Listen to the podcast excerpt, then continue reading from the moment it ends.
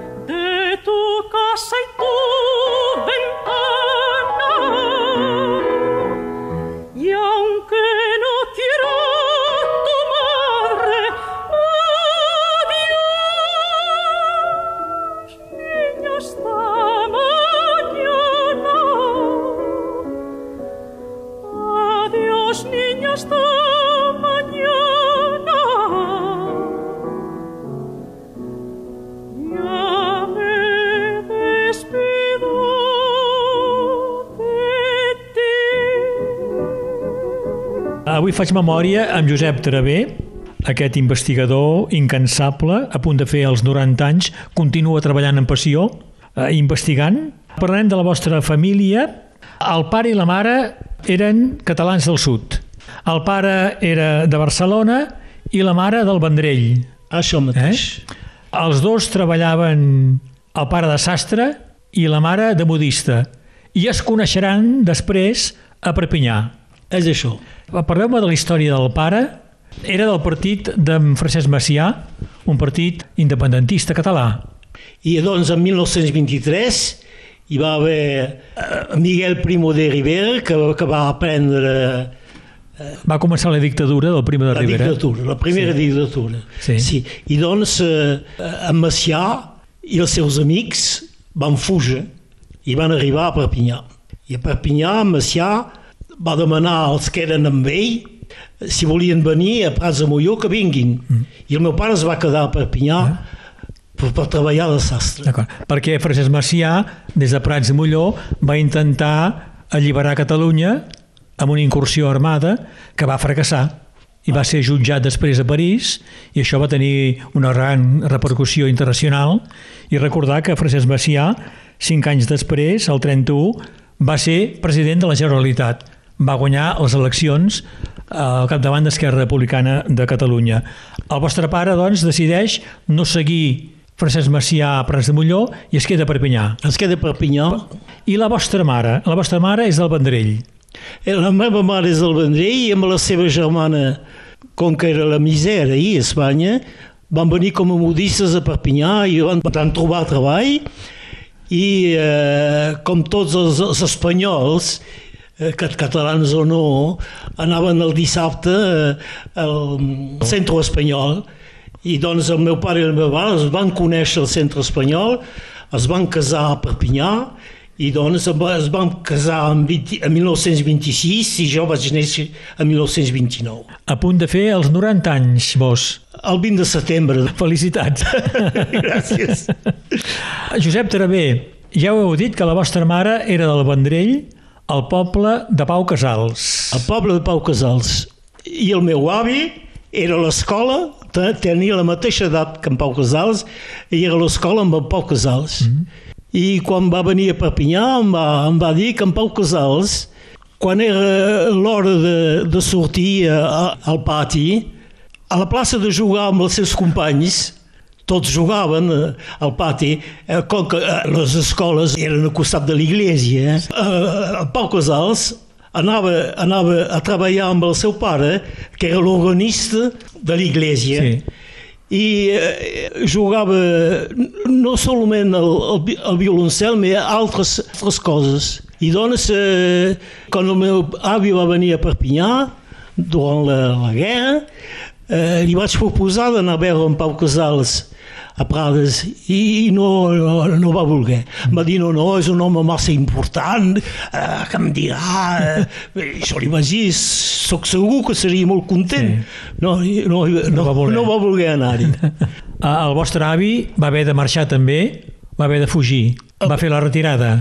No, O va venir abans? El meu avi no va fugir a la retirada. El germà de la meva mare i el germà del meu pare, que Sí. van venir a la retirada, l'un va passar per la muntanya i va venir dire directament eh, a la casa Perpinyà, eh, carrer Rambart Vilanova, i l'altre, eh, el meu pare el va anar a cercar al camp de concentració de Sant Cebrià. I, l'avi, per la guerra, va anar a Granollers. El meu avi maternal va morir a Granollers quan els alemanys van fer... Era una prova que feien de, de les bombes de 400 quilos. En van tirar una eh, a Guernica i l'altra a Granollers. Granollers i Guernica és en Franco Sorben que els hi va dir aneu a tocar a aquests, eh, aquests nacionalistes que Els són bascos i catalans. els catalans i les basques. Aquesta bomba la, la van tirar al moment on les dones van a fer el mercat i a sobre el mercat i doncs amb la meva avi hi va haver més de 200 persones que van morir aquí. Vale. I doncs el meu avi va venir doncs, a Perpinyà, va viure amb la, les seves, a prop de les, de, Les seves filles. seves dues filles.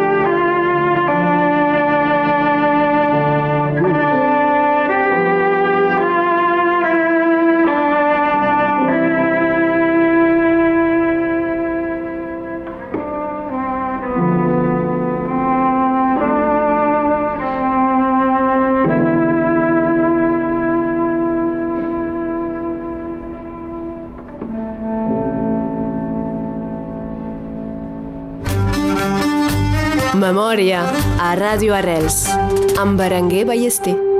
Faig memòria amb Josep Travé, casa seu, aquí a Banyuls de la Marenda.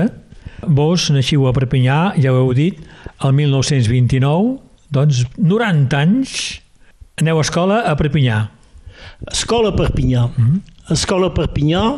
Eh, bueno, com els meus pares primer, com tots els refugiats, va viure a Sant Jaume.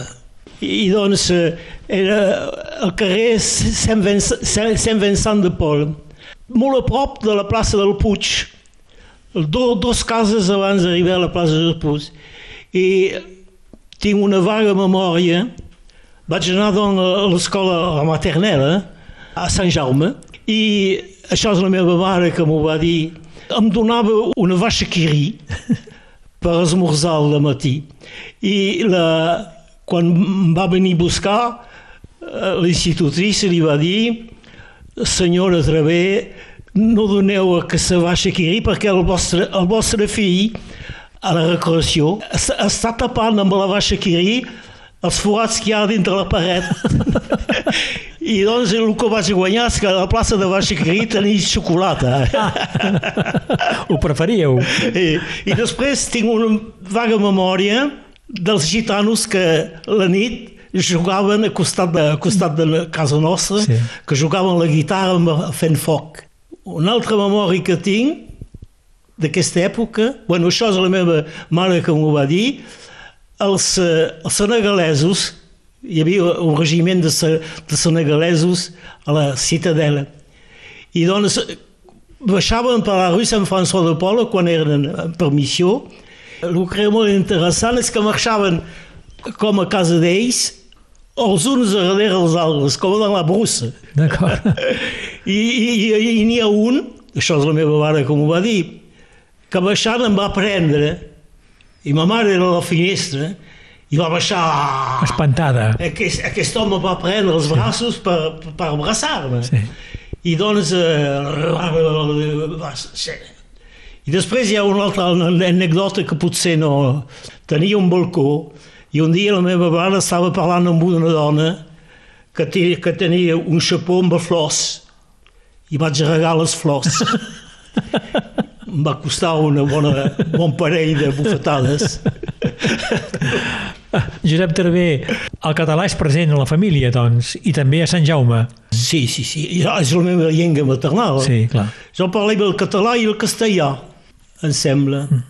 I, eh, heureusament, després de l'escola maternal, quan el meu pare es va posar de, de artesà sastre, al cap de dos o tres anys, vaig acabar l'escola maternal a, a Perpinyà.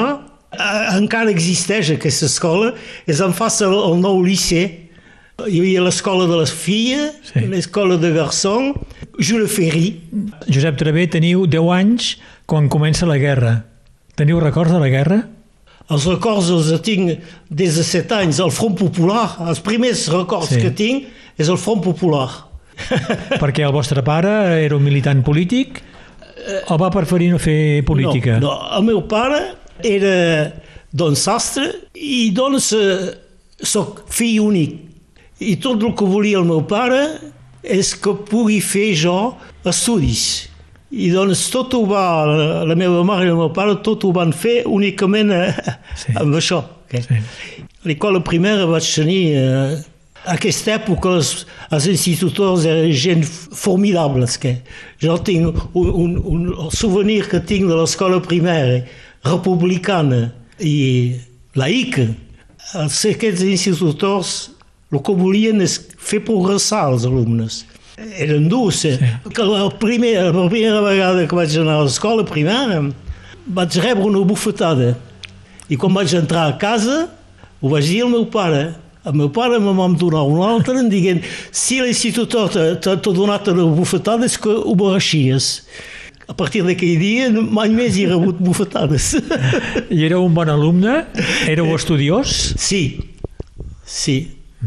Vaig, fer- vaig fer- Treballàveu a l'escola? Sí, sí.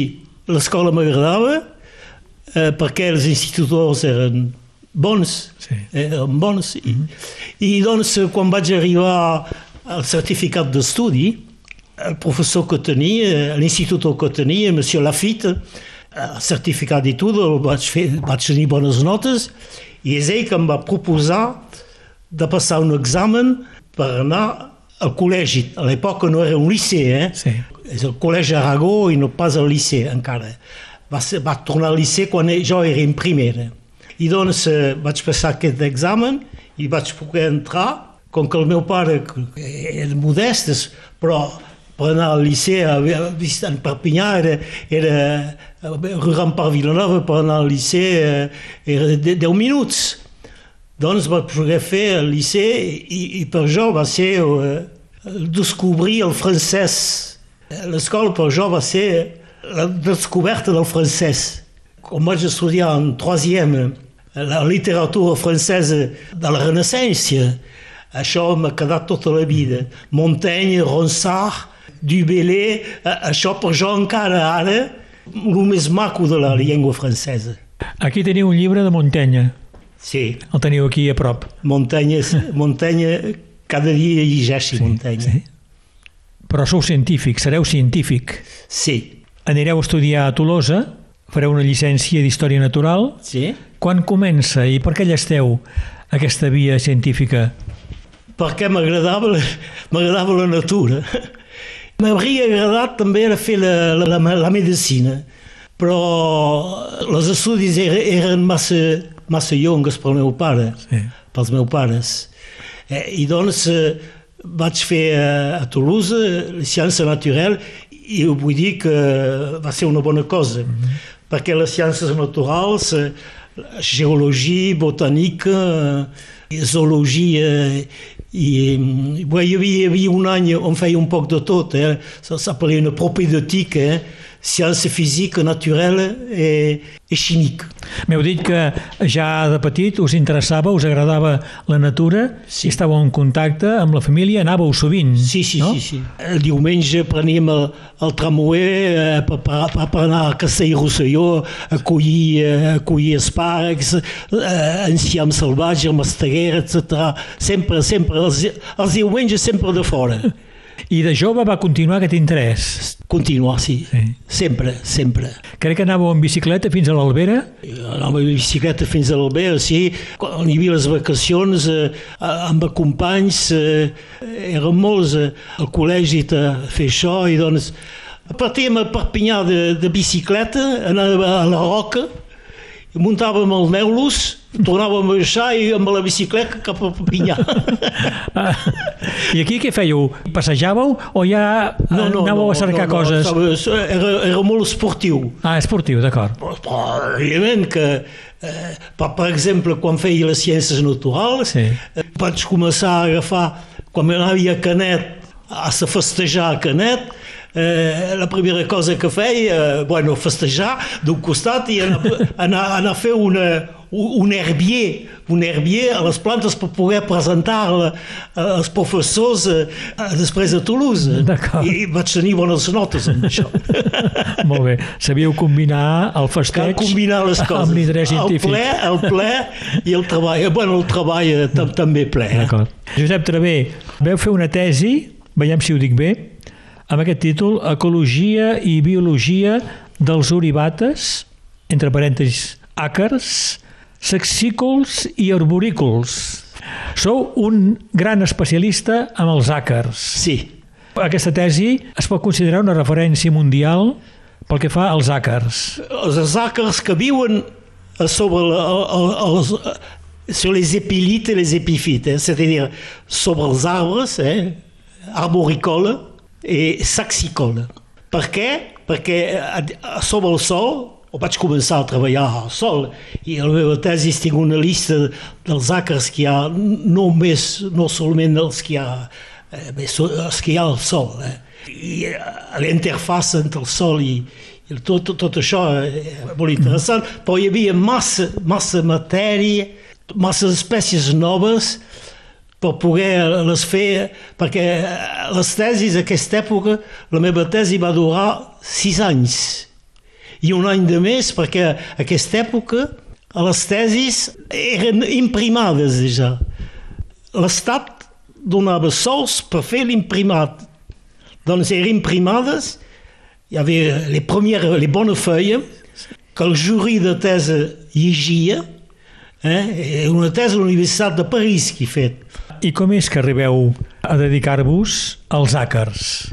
Uh, perquè uh, em, vaig, uh, em vaig veure de seguit, al cap de, de, de calcanys, que uh, els àcars eren estudiats per un científic que es diu François Grandjean, que és un científic molt important i que va tr transformar l'estudi dels àcars, de tots els àcars, el que se'n diu la sistemàtica, és a dir, la descripció de les espècies.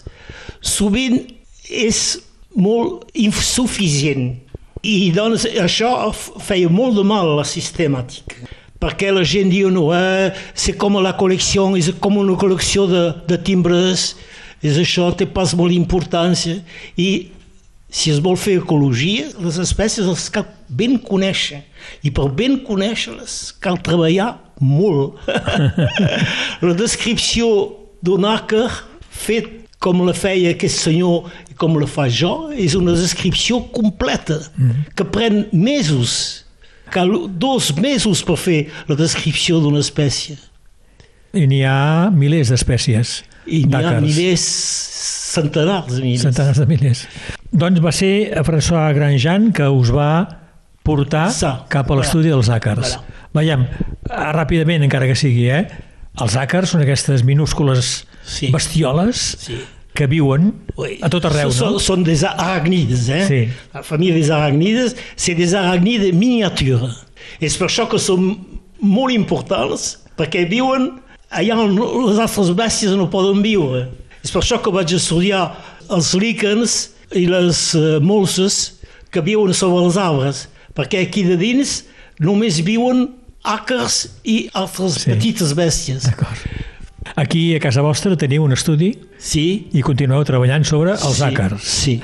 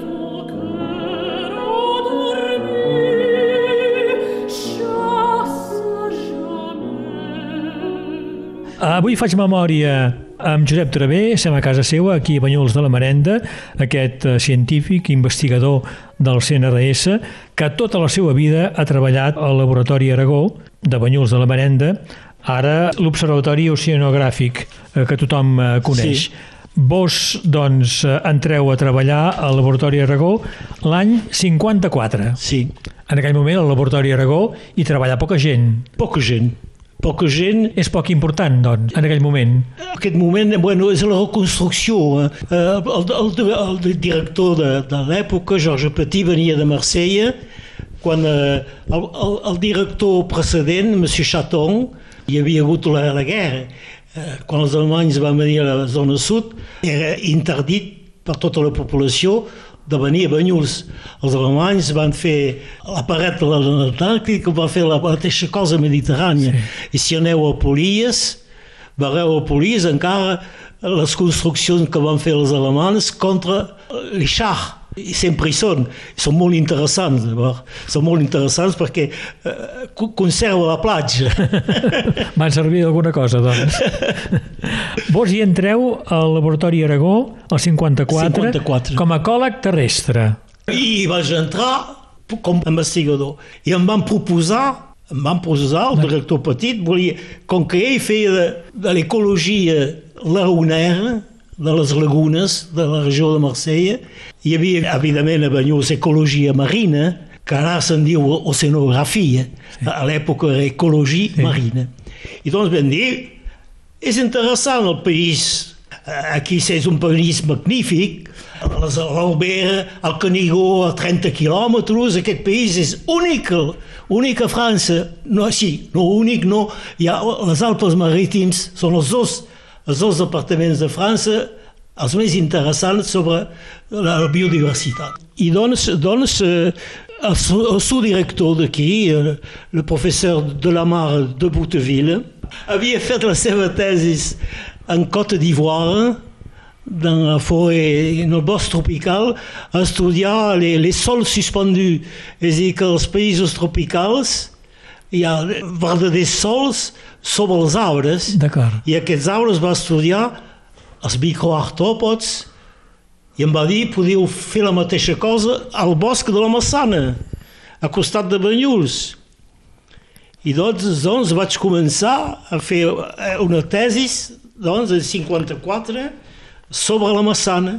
I així al laboratori teníem eh, l'estrès, l'ecologia dels tres mitjans que es pot trobar a tot el món. Mm -hmm. Un bosc, la sorra al bord del mar i la mar. I doncs això va, va ser molt interessant perquè tenia equips, jo em vaig, a poc a poc vaig tenir gent que van treballar amb jo i vaig, vam fer un equip d'ecologia terrestre a Banyuls-sur-Mer mm -hmm.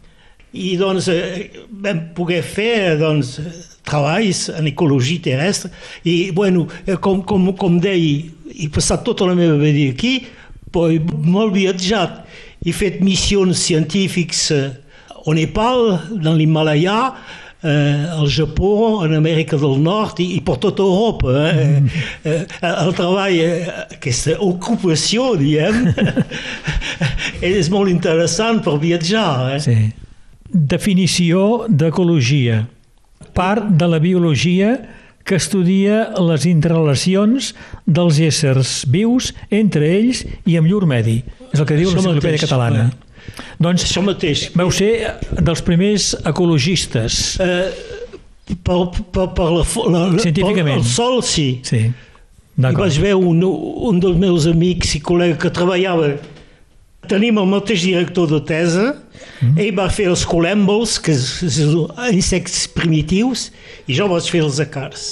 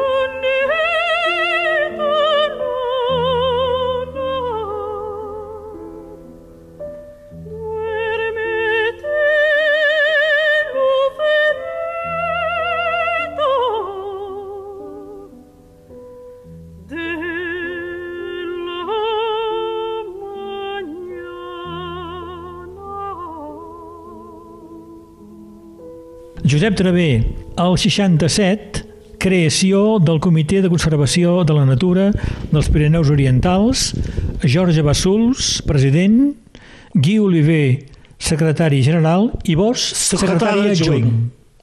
Per què veu crear aquest comitè? Aquest comitè es va crear, quan, quan es va crear, es va desenvolupar les, les, les associacions de protecció de la naturalesa.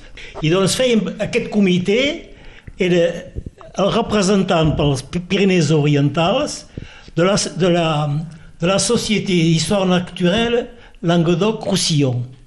A cada departament hi havia un representant. I molts d'aquests representants es van dir Société d'Histoire Naturelle du Languedoc, section, section Hérault, section Aude, section Lozère, secció Gar. I nosaltres, els catalans, eh, els catalans vam dir no, no, volem pas secció Languedoc-Roussillon. I doncs, Comitè de Conservació de la Natura de Pirineu Oriental. D'acord. Això per distingir ja aquesta època la diferència amb el Llenguadoc, no? Amb el Languedoc. D'acord. Com a la seva casa. Sí. Jorge Bassols eh, serà president, era el director del Museu d'Història Natural de Perpinyà. Sí. I tenia una farmàcia també? I tenia una, una, una gran farmàcia. Bassols d'Humaine era la farmàcia que feia corn al costat del, del, del Palmarium, Sí. al què hi havia una Sí, sí. farmàcia, al costat del Credi Lyonnais, hi havia el Credi Sí, Lyonnais, sí. Al costat, i, i, i que feia corn, era una de les més grans farmàcies de Perpinyà. I el 73, creació de la Reserva Natural del Bosc de la Massana, ja n'heu parlat, la Massana, al cor de l'Albera, Hi havia un projecte de fer-hi una ur- urbanització i aquí us mobilitzeu per evitar aquest projecte i fer de la Massana una reserva natural. Sí, Com va començar això? això també... Bueno, Perquè això, ja, ja coneixeu la Massana, ja heu treballat i esteu sí, treballant. Sí, estic treballant. Eh? He començat, eh, doncs, eh, i treballava de, de, de, fa molt temps, Sí. i altres persones. Ja teníem una bona coneixença de l'interès. En fet, la reserva natural de la Massana va ser feta abans de les altres reserves, abans que hi hagi la llei sobre la reserva natural. Per què? Perquè als anys 60 hi va haver, a l'Andalusia, hi va haver la missió Racine. I doncs el professor Georges Petit era encarregat doncs, de fer proposicions per reserves naturals per poder, entre les estacions marines que s'anaven fent, els ports i tot això, crear eh, reserves naturals per fer a mig, Sí. per poder deixar espècies naturals. I hi havia el professor Petit i el professor de botànica de Montpellier, Amberger. Eren els dos encarregats d'això.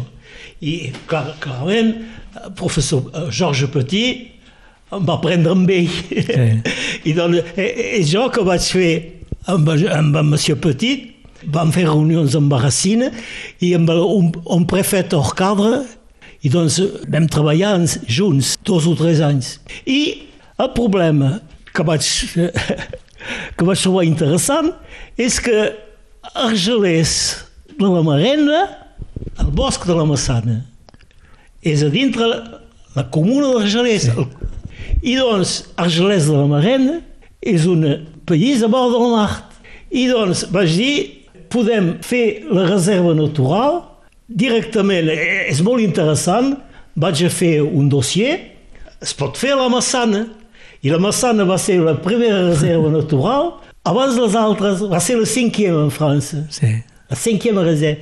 I doncs, eh, això, això va ser molt, molt interessant perquè a aquesta època la reserva natural era la Semagref de Grenoble que feia les reserves. Jo no tenia el dret de fer una reserva. Però el Semagref doncs, va fer el, el text i el text el vaig fer jo i ells van posar la signatura només. Tot l'altre jo, jo que ho vaig fer, Sí. és clar, ells no ho coneixien. I, i, i vam tenir algun problema. L'alcalde era molt fort d'Argelers, el Gaston Pams. I en Gaston Pams és ell que volia fer i m'ho havia dit un dia. Un dia, baixant de la Massana junts, em diu, tinc una idea formidable. A dalt de la, a l'endret on hi ha la vegetació, vull fer una zona de gran luxe avec helicòpter per anar a Argelers a la platja. I mon slogan em diu la forêt de Fontainebleau a 10 minutes de la Mediterrània. Com vaig entendre això? I què li veu dir al Gaston Pams? Ah, li vaig dir. No? Vaig, vaig escriure al professor de la Mare de Bouteville, que, en aquest moment era professor al Museum d'Història Naturelle de París, que va fer una campanya internacional. Vam rebre lletres del Japó, dels Estats Units, de per tot el món, per dir que calia pas tocar la massana. I llavors hi va haver una... A Paris Match, a Paris Match, eh, ha sigut, ho tro- trobareu, si, si, si mireu la, Sí. sí. el site de la Massana, tro- trobareu l'enquesta que va Sí, fer sí, el, sí. el Paris Match. El Paris Match, doncs, va venir aquí, va venir a veure en Gaston Pams i va venir a veure al laboratori. I doncs va començar eh, aquesta època eh, era jove, eh? doncs, eh, diu, Joseph Travé, euh, maître de recherche au laboratoire Arago, ressemble davantage à un joueur de rugby qu'à un chercheur scientifique. I doncs... Eh, Veu guanyar, finalment. Veu en. Pons va dir, mais non, non, non, soc d'acord, soc d'acord. Ah, va retirar el projecte. Que n'hi va haver, això. D'acord. Vos sou el president de l'associació que gestiona la reserva. Sí, vaig ser, doncs, eh, vaig venir, hi havia l'associació des Amis de la Massana. Sí. Al començament, Sí. al començament vaig prendre l'associació des Amis du Laboratoire Areo. I qu- quan va ser oficial, el sous-préfet de Serret em va dir, écoutez, Associació des Amis du Laboratoire Arago, qu'est-ce qu'il va faire a la Massana? Quan dieu això, creeu una... Eh. Jo vaig crear l'Associació des Amis De la Massana. De la Massana. D'acord. I vaig ser, vaig ser doncs, eh, el president massa, de 35 o 40 anys. Uh, Josep Travé, m'agradaria que m'expliquéssiu aquest treball que veu fer a la Massana, justament. Durant 14 anys veu estudiar un arbre mort, un faig caigut al sol. Durant 14 anys veu Sí. treballar sobre aquest arbre. Sí. I ara estic, estic fent la- l'anàlisi d'això per publicar. Encara hi treballeu, amb això? Ça, estic publicant, eh, Sí. estic fent un treball i parlo d'això perquè eh, aqu- aquests arbres, eh, bueno, hi ha arbres morts que cauen eh, i fan partir de, de lo que dic les, les annexes du sol i eh, la descomposició dels arbres morts que cauen no té res a veure amb aquest que vam estudiar, amb el meu tècnic, que era quelcús de molt important per jo, Francis Durand, d'Argelès. Amb en Francis Durand vam estudiar això 14 anys. I per què 14 anys? Perquè era un arbre, tinc fotografies d'això, va caure sobre la ribera. Agafàvem un tros de- d'aquest arbre, dos trossos, una superfície i un altre a sota la superfície. I doncs primer cada mes i després ho fèiem cada 15 dies, cada 15 dies. I per sort, al cap de 14 anys, hi va haver una inundació. I se'l van portar. L'arbre es el va trencar en dos i va marxar. I vam dir, bueno, Si no, encara continueu estudiant l'arbre. però aquests 14 anys Sí. estic ara en train de fer l'anàlisi general que no he pogut fer a falta de temps D'acord. i ho vaig a publicar ara. Perquè és, Més. és ple de vida un arbre mort. L'arbre és ple de vida. I, i una successió. Un arbre mort és ple de vida. Una dejecció de, de, de vaca. Són molt interessants perquè els àquers, per exemple, els àquers que estudi, hi van en aquestes, aquestes dejeccions. I, i ells, ells contribuen a la transformació de- d'aquestes dejeccions en sol. I hi ha una anècdota que us ho puc dir Sí. a Austràlia van introduir vaques i al cap de qualque any van veure que totes les dejeccions de vaques es quedaven i doncs al, al cap de, de dos o tres anys tot era perquè els cangurus tenen les, les bèsties, aquestes bèsties, el microfone, hi ha, hi ha les bactèries, hi ha els, els, els champignons primitifs, eh? les, moisissures, microchampignons, eh? Mic, les micromicetes. Tot això es fa disparetre. Què van fer? Van anar a buscar als Estats Units totes les, aquestes petites bèsties i hi ha pas que petites bèsties, hi ha també des, des coleòpters, les bousiers, en diuen les bousiers, heu vist aquests carabes que, que van a buscar una bolsa i que, que tragina, eh, tot això. Ho van portar això i ara les vaques tenen les seues petites bèsties Per la descomposició de la caca de vaca. com pot ser important les coses. Sí, sí, sí. Doncs el bosc de la Massana no es toca, no es talla ni... Si sí? pot fer, si pot fer, posem coses en defens, eh? és a dir, fem una clotura, bueno, perquè hi ha les vaques que van a la Massana. Sí. L'any 50 vam instal·lar un laboratori a la Massana, c'est un refuge laboratoire de l'Universitat de París, eh? Sí. espace de la réserve. L'Universitat de París vam fer una estació meteorològica que funciona de, des de 59 i això m'ha permès de, de fer, per exemple, de conèixer la temperatura del Sol a menys 10 i a menys 30, a menys 20, menys 100 i menys 20. I el que puc dir és que a menys 20 la temperatura, el creixement de la temperatura, els animals que viuen a l'olor se'n foten. Menys 20 centímetres. A a menys 20 centímetres, la temperatura és la temperatura anual de la regió, que és a la Massana fins ara, ara potser puja, eh?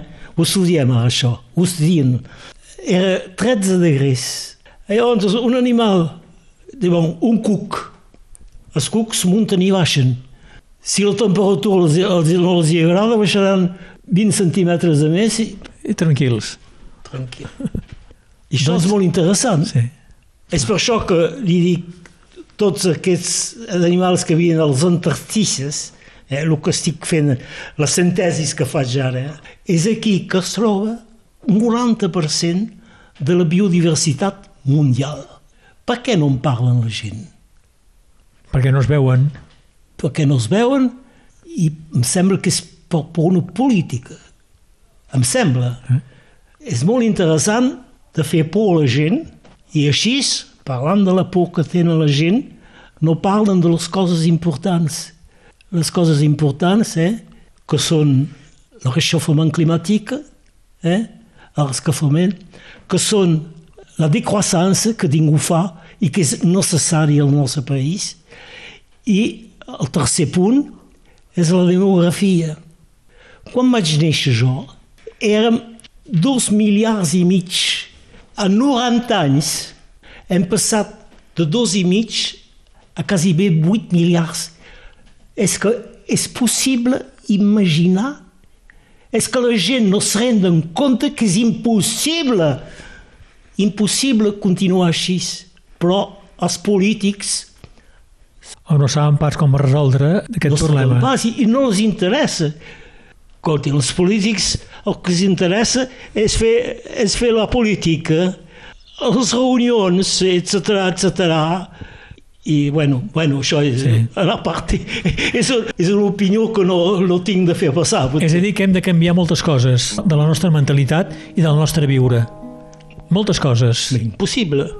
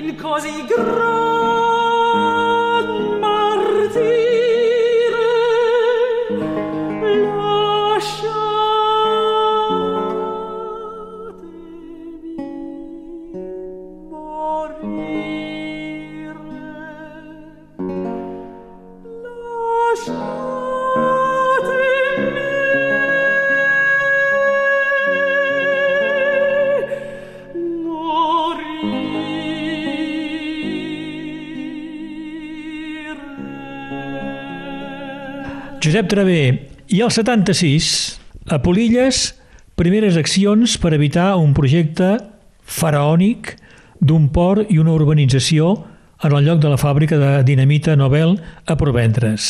Vos aquí hi sou plenament, Sí, en la defensa de Polilles. sí. Què s'hi volia fer exactament? Ah, volia fer eh, en Jean-Claude Méry, Sí, que a l'època era el porter de valisa de Chirac. Eh? El, el, el seu pare havia sigut director d'una usina d'explosiu i volia fer això el nom del seu, del seu pare i en fer una marina. És a dir, una marina de treure tot el que hi havia, de fer un, un bassin avec des villas tout autour, exactament el que s'ha fet a Port Camargue, per exemple, i a molts puestos. El que volia fer és un Port Camargue. I eh, en Jean-Claude Méry tenia molt de... Eh, en Chirac i... Bueno, i va convèncer també els elegits de Portvendres. sí, eh, le, le maire de Port-Vendre, eh, Jean-Jacques Avilà, Oui, Jean-Jacques. eh, I després hi havia també a Perpinyà Barata, Cló de Barata. Claude Barata. Claude Barata era, era dins del cop, sí. Tota la dreta era dins del cop. Sí. I doncs, eh, jo a dreta esquerra, això no... Tinc amics a dreta, tinc amics a esquerra. Jo sóc un associatiu. A associacions, faig partida de moltes associacions. El que m'interessa és això, la ci- societat civil. Eh? I, I doncs, eh, jo, evidentment, què vaig fer aquesta època? Vaig dir cal fer un projecte contra això. I vaig fer un projecte de jardin botànic representatiu de Mediterrània, perquè el climat mediterrani es troba aquí, però es troba també a Àfrica del Sud, es troba també en Califòrnia, es troba també a Austràlia i amb la meva equipa vam fer un estudi sobre l'impacte del foc sobre els boscos mediterranis. I vam fer un col·loques internacionals amb els australians, amb els californians, amb, eh, amb la gent de Montpellier també, en vam fer a Banyuls, en vam fer a Montpellier i en vam fer també, doncs, 10 anys van treballar aquí.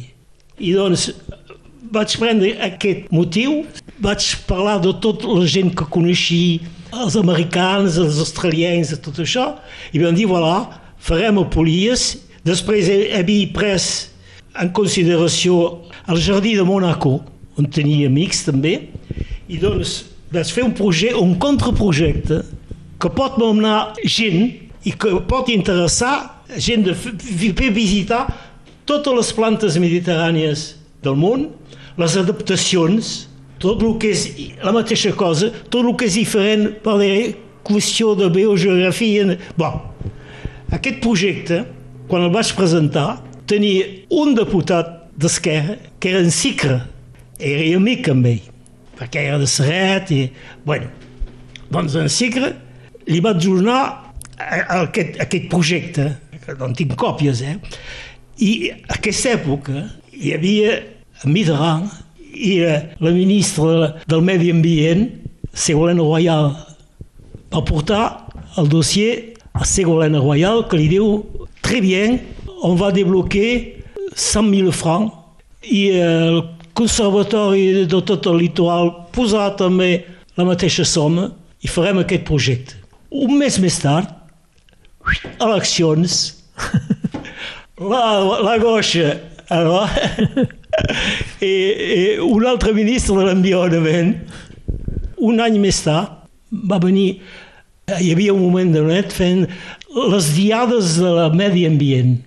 I vam fer aquestes diades a Narbona. I jo me'n cuidava. I vaig escriure al Ministeri de del Medi Ambient vaig dir, voilà, quan vindreu a Narbona us demani de, de poder discutir amb ell entesos es vam portar jo i, i gent de Montpellier a tres o quatre li vam dir i Polia. Va dir, Polia hem fet altra cosa, amb la... però us puc assegurar que Polia serà protegit. I tots els ministres que han vingut sempre han sigut amb nosaltres. I els prefectes, tots els prefectes, sempre han seguit el que li deia el ministeri. I doncs això ha sigut molt important. Una cosa molt important també és que Polia havíem fet feia partida de la comissió de, de cita. Amb Amigo, Amigo era el secretari general de l'associació Charles Flau. Sí. I, I doncs feien partida de tots dos i van fer dues proposicions per fer des sites classés. Site classé llei de 1930. Site classé molt important, que pot ser natural i que pot ser cultural eh, una iglesia, collir, site classé, etc. Doncs ho vam fer una proposició i no, havia, no havíem posat polia. Vam gosar. Però això va muntar a la Comissió Nacional de Site. A la Comissió Nacional de Site hi havia un arquitecte que va dir escolteu, per què deixeu l'usina? conec projectes de gent que volen fer construccions, perquè l'usina ha tancat, ho va tancar. Hi ha projectes aquí. Us demano, per protegir tota la costa, cal posar el cita. Incloure el que no havíem gosat fer, ell ho va fer.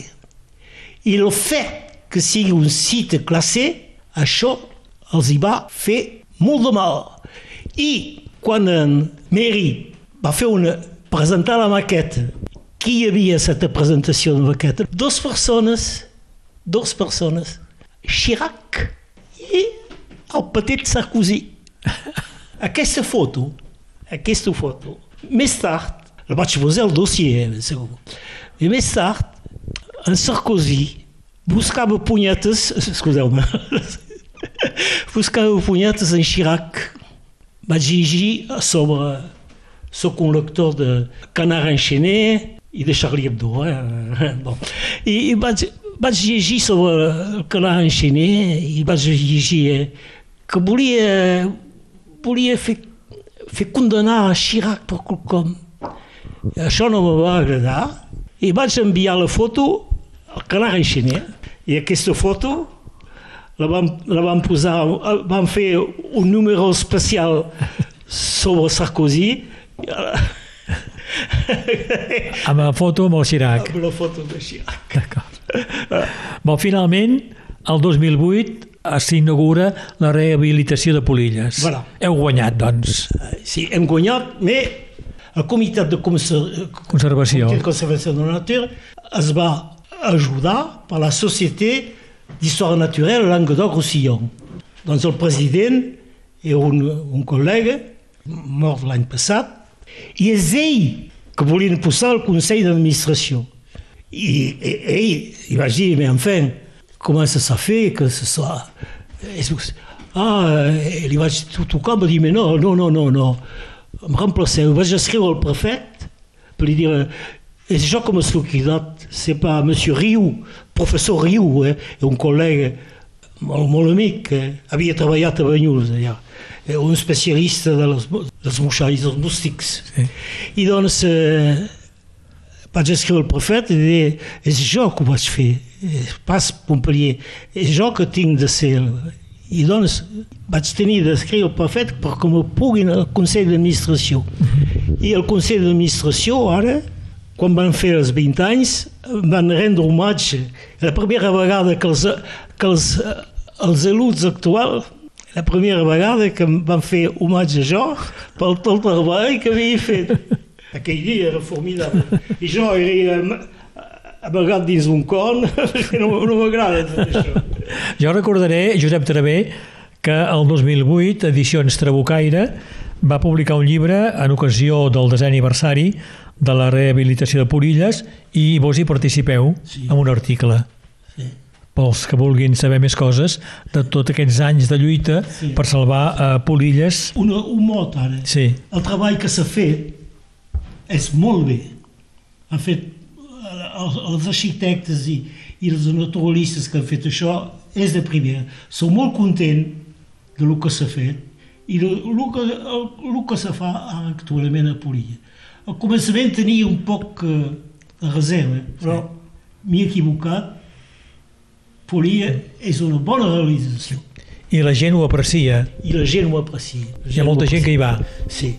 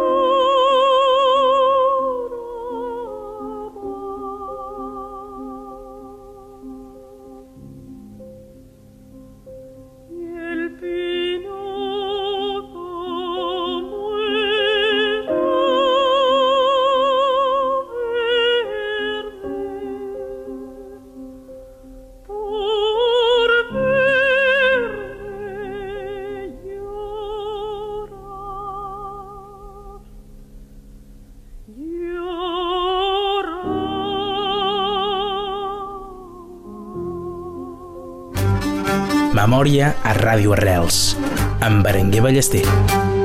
Vos teniu, Josep Travé, una antiga relació amb la Societat Catalana de Biologia, Sí, que és una filial sí. de l'Institut d'Estudis Catalans. Ja quan vaig fer ma tesi ja vaig treballar amb, amb la gent de Barcelona, amb el professor Gadea, eh, un dels primers treballs que vaig fer i vam fer sobre la Massana una, primera, Sí. una de les primeres publicacions que he fet va ser amb ell. Després vaig participar a l'elaboració del llibre blanc de la natura. Ho coneix això Sí, vostè? sí, sí. Doncs el llibre blanc de la natura hi ha una primera edició i una segona. Eh, La primera edició, el llibre blanc de la natura, es va cuidar de la natura de tots els països catalans. Sí? I doncs nosaltres també. I llavors, en 1973, quan se va crear oficialment la reserva natural, la primera publicació va venir de Barcelona. En Camarassa, un sí. company meu, va escriure, havia treballat a la Massana. llavors. Ca- Camarassa, la primera, la primera reserva natural dels països catalans. La Massana. la Massana. Molt bé. És veritat. Ah, Veu conèixer també Ramon Margalef, no? Sí. Un biòleg importantíssim, no? Impo- a- nivell mundial. el el millor, el millor arqueòleg del món, per això. I doncs tinc, tinc uh, sí, Sí. quelcús de, de molt important. Josep Travé, una vida molt densa, Ui, plena de- d'esforços per defensar la natura. sí, Hem fet tot aquest massa, relat. i massa, cuidat d'això. Sí? I eh, a un moment donat m'he massa ocupat de la natura i pas, pas prou de, del, del meu treball. Eh, és ara que he reprès el meu treball, en fi, el meu treball, sempre Sí. sí. dic treball, i, i eh, perquè he tingut eh, tres anys molt dolents eh, de perdre la meva dona i, i doncs eh, aquest any eh, m'he proposat eh, a tot això i això me, me, me salva un poc la vida. Voilà. D'acord. Abans ens heu parlat i voldria que ho tornéssiu a explicar o que ho tornéssim a recordar com a conclusió d'aquesta memòria hi ha tres grans preocupacions de les que dieu que els polítics no en volen parlar el canvi climàtic el tema demogràfic i el decreixement per vos aquestes tres coses són problemes ineludibles que caldrà resoldre si no anem, anirem mal, no? I anem. I anem. Eh, Tothom, sempre, els, tota la gent que volia que vol- volen donar esperança, però no n'hi ha. No hi ha Perquè no esperança. tinc, no tinc, no tinc... Bueno, els homes polítics ara no... Són gent que no comprenc. No, perquè ara només parla tots els alcaldes, només parlen de creixença. Aquí heu vist, heu vist aquest foc que s'ha fet. Sí. Aquest foc, per què s'ha fet? S'ha fet a, a, a la vora d'un bosc mediterrani. Ho vaig dir. No cal créixer, cal decréixer. Cal de créixer. És una obligació. I ho saben, no? Ho saben tot això, els homes polítics. Per què no en parlen? I cal limitar la demografia. De la demografia. És un problema difícil aquest, no? Ja ho veieu. D'un costat hi ha nens que moren de fam i a d'altres costats fan viure, hem fet viure, que tot, tots els diaris en parlaven, un home que ha estat molts anys en vida vegetativa. És una aberració. Ara, la gent... És, és difícil de dir-ho, això. Però de veure en els nostres països que són, que, que són en avança, eh, de veure aquesta falta de fraternitat que hi ha amb la gent que, la gent que tenen fam, que moren de malalties, la lepra, hi ha encara gent, hi ha la, la lepra, la lepra. Tinc un amic, eh, el pare de, la, de Josep Garriga, que era, que era metge, que conegut Eh, ell és un, un fervent catòlic. Quan va fer la seva medicina, un metge de, de, de, de molt de valor, va ser metge a Colliure un any. Un dia el trobo, un dia en, en som fart de fer sous aquí amb la gent, me'n vaig a soignar els leprosos en Corea del Sud.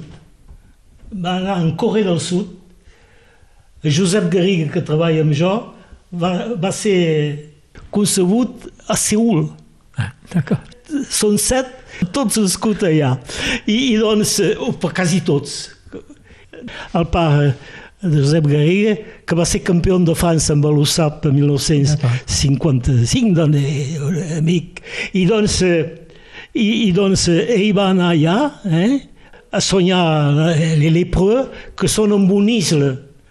I quan el, el papa, quan el papa va anar a Seul, ell li va escriure. Li va escriure i li va dir, voilà, si vous allez là-bas, hi ha- eren monges franceses que se cuidaven en aquest isla a vora del, del continent, doncs, que se cuidaven d'aquests eh, leprosos. I ell em va dir eh, aquesta gent són, són completament a part, i llavors que eh, poden fer, es poden casar entre ells i tot això, tot, tot, tot els hi és prohibit. I, i doncs va escriure el papa, el papa va, va, fer canviar el programa que havíem fet i va anar a visitar aquesta... D'acord. Voilà. I doncs, eh, i després, quan va partir de Corea, va anar al costat de París, on aquesta associació té un... un I sempre se va cuidar. Aquest, eh, aqu- aquest company va fer ensuite equiterapia. És ell que va lançar la, la manera i equiterapia i encara ho, ho va continuar a fer a, a, a costat de Doris. Eh? Va muntar això i ho va fer a Rússia. Va anar dos o tres vegades a Rússia. A Rússia fan de l'equiterapia. Va anar a Bolívia, per tot del món. Hi ha l'equiterapia per, per la gent handicapats. M'ha dit, eh, si, ve, si veies els nens que són així, els posa sobre un cavall. Sí. Eh, i fa, eh, els hi fa un bé formidable. Voilà, doncs, aquesta gent, ell sí que és un... eh, És, voilà, Que amb aquesta gent sí que hi creieu. voilà. Recordeu el nom del vostre company. René Garriga, el pare, D'acord. i Josep Garriga, que és l'administrador de la reserva, el seu fill, sí. és quelcús de formidable. Molt bé. Un naturalista com se'n fan molt pocs. ara.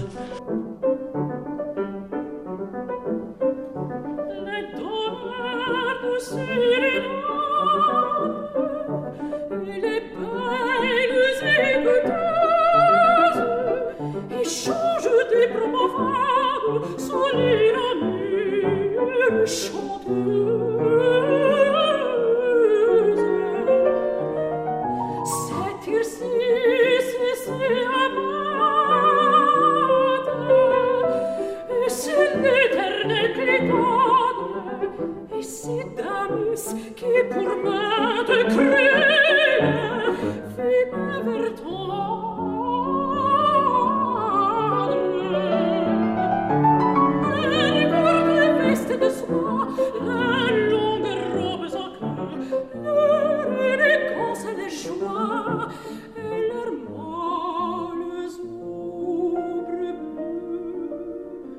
Doncs gràcies, eh, Josep Travé, d'haver-me acollit a casa vostra, aquí a Banyuls de la Merenda. Hem vist que la vostra vida ha estat intensa i continua intensa perquè recordaré que cada dia esteu jubilat del Laboratori Aragó, cada dia aquí dalt, de casa vostra, teniu un, un estudi on continueu treballant sobre sí. els àcars, eh? aquests petits animalons que Sí. tant us han interessat. Sí, eh, bueno, eh, és, eh, és una vida... He tingut una vida molt, molt, molt plena, molt interessant i, bueno, cal anar fent i eh, vull dir que no tinc cap, eh, cap re- regret per la meva vida. Bueno, se sap una cosa, eh? és que cal, cal partir un, un dia o l'altre. Bueno, soc, soc absolutament eh, en pau amb això i eh, el més tard possible. Molt bé, Eh? esperem que sí. Perquè, bueno, la, la nostra generació Sí. eh, té una sort. La sort que, que hem menjat, hem menjat bio fins a 40 anys, quasi bé. Sense saber-ho. I doncs això, això em sembla que és un punt molt important. I eh, quan hi ha hagut la, la guerra, per nosaltres a Perpinyà no, no ha sigut, eh, ha sigut no, no, no, per, per sort no hem tingut, hem, hem vi- viscut bé, eh, hem mai tenir gana. I, i doncs, eh, i ens ha fet bé, per exemple, el meu pare era massa fort i em sembla que la, la guerra ha perdut 15 quilos per la guerra i això li va fer eh, morir eh, a 80 anys per això. Ja està, voilà. Josep Travé, gràcies per tot el que heu fet i pel que heu explicat en aquesta memòria. Gràcies i bon dia. Gràcies a vostè d'haver pres la, de, de, de venir fins aquí per me fer parlar de totes aquestes coses que venen a poc a poc a la memòria.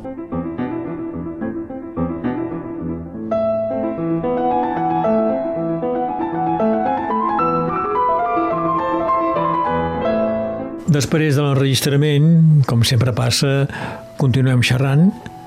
Ell em parla de la seva dona. Era una cantant d'òpera. Per això hem escoltat Teresa Berganza amb algunes de les cançons populars espanyoles de Manuel de Falla que cantava sovint a casa. Monteverdi i el seu Lasciatemi morire del lament d'Ariadna, una de les millors cançons d'amor, em diu. Una de les melodies de Venècia de Gabriel Fauré, també. I el cant dels ocells, en Pau Casals, ho ha explicat, company d'escola del seu avi el Vendrell. Josep Travé m'ensenya l'estudi que té a dalt de casa seua, on continua treballant sobre els àcars. El tema de la seva tesi és inacabable. Ho ha dit repetidament. Per ell no és un treball, és un plaer. Josep Travé em convida a menjar pollastre amb sanfaina que ell ha fet. No m'hi puc quedar. Gràcies, senyor Travé. Memòria. La nostra gent s'explica. Berenguer Ballester.